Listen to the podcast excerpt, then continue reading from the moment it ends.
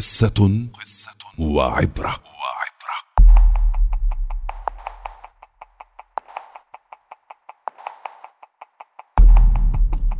يحكى أنه في إحدى القرى كان زوجان فقيران يعيشان حياة مليئة بالسعادة. وكان كلما تقدم العمر بهما كلما ازداد الحب بينهما. وكان لكل منهما رغبة فالزوج يملك ساعة فضية ورثها عن أبيه ويتمنى شراء سلسلة من نفس المعدن لساعته. ولكنه لا يستطيع ذلك بسبب الفقر. أما الزوجة فكانت تملك شعرا ذهبيا وتتمنى اقتناء مشط جديد تزين به شعرها ولكنها لا تستطيع ذلك بسبب الفقر أيضا.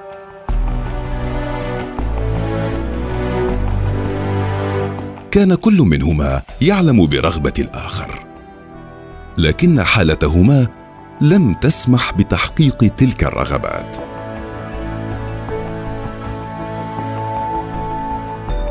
مع مرور الزمن نسي الزوج سلسلته لكنه بقي دائما يفكر في كيفية الحصول على مشط جديد لزوجته. وفي الوقت عينه نسيت الزوجة مشطها. وبقيت تفكر في كيفية شراء سلسلة فضية لزوجها. وفي يوم الذكرى العاشرة لزواجهما تفاجأ كل منهما بما به قام الشريك.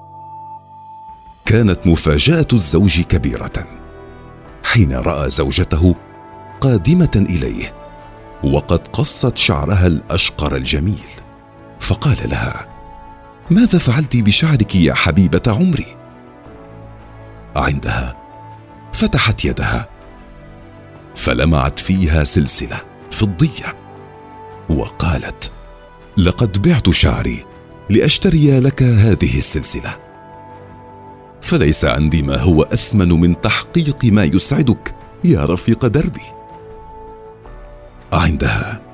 اغرورقت عينا الزوج بالدموع وقال لها ما الذي فعلته يا عزيزتي؟ وأخرج من جيبه مشطا جميلا ذهبيا جديدا وتابع. وأنا بعت ساعتي الفضية واشتريت لك هذا المشط.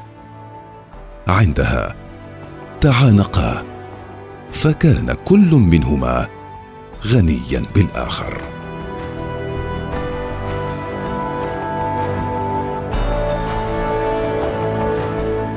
العبرة. لا يغتني الإنسان بما يملك من المال بل يغتني بما يضحي به في سبيل من يحب.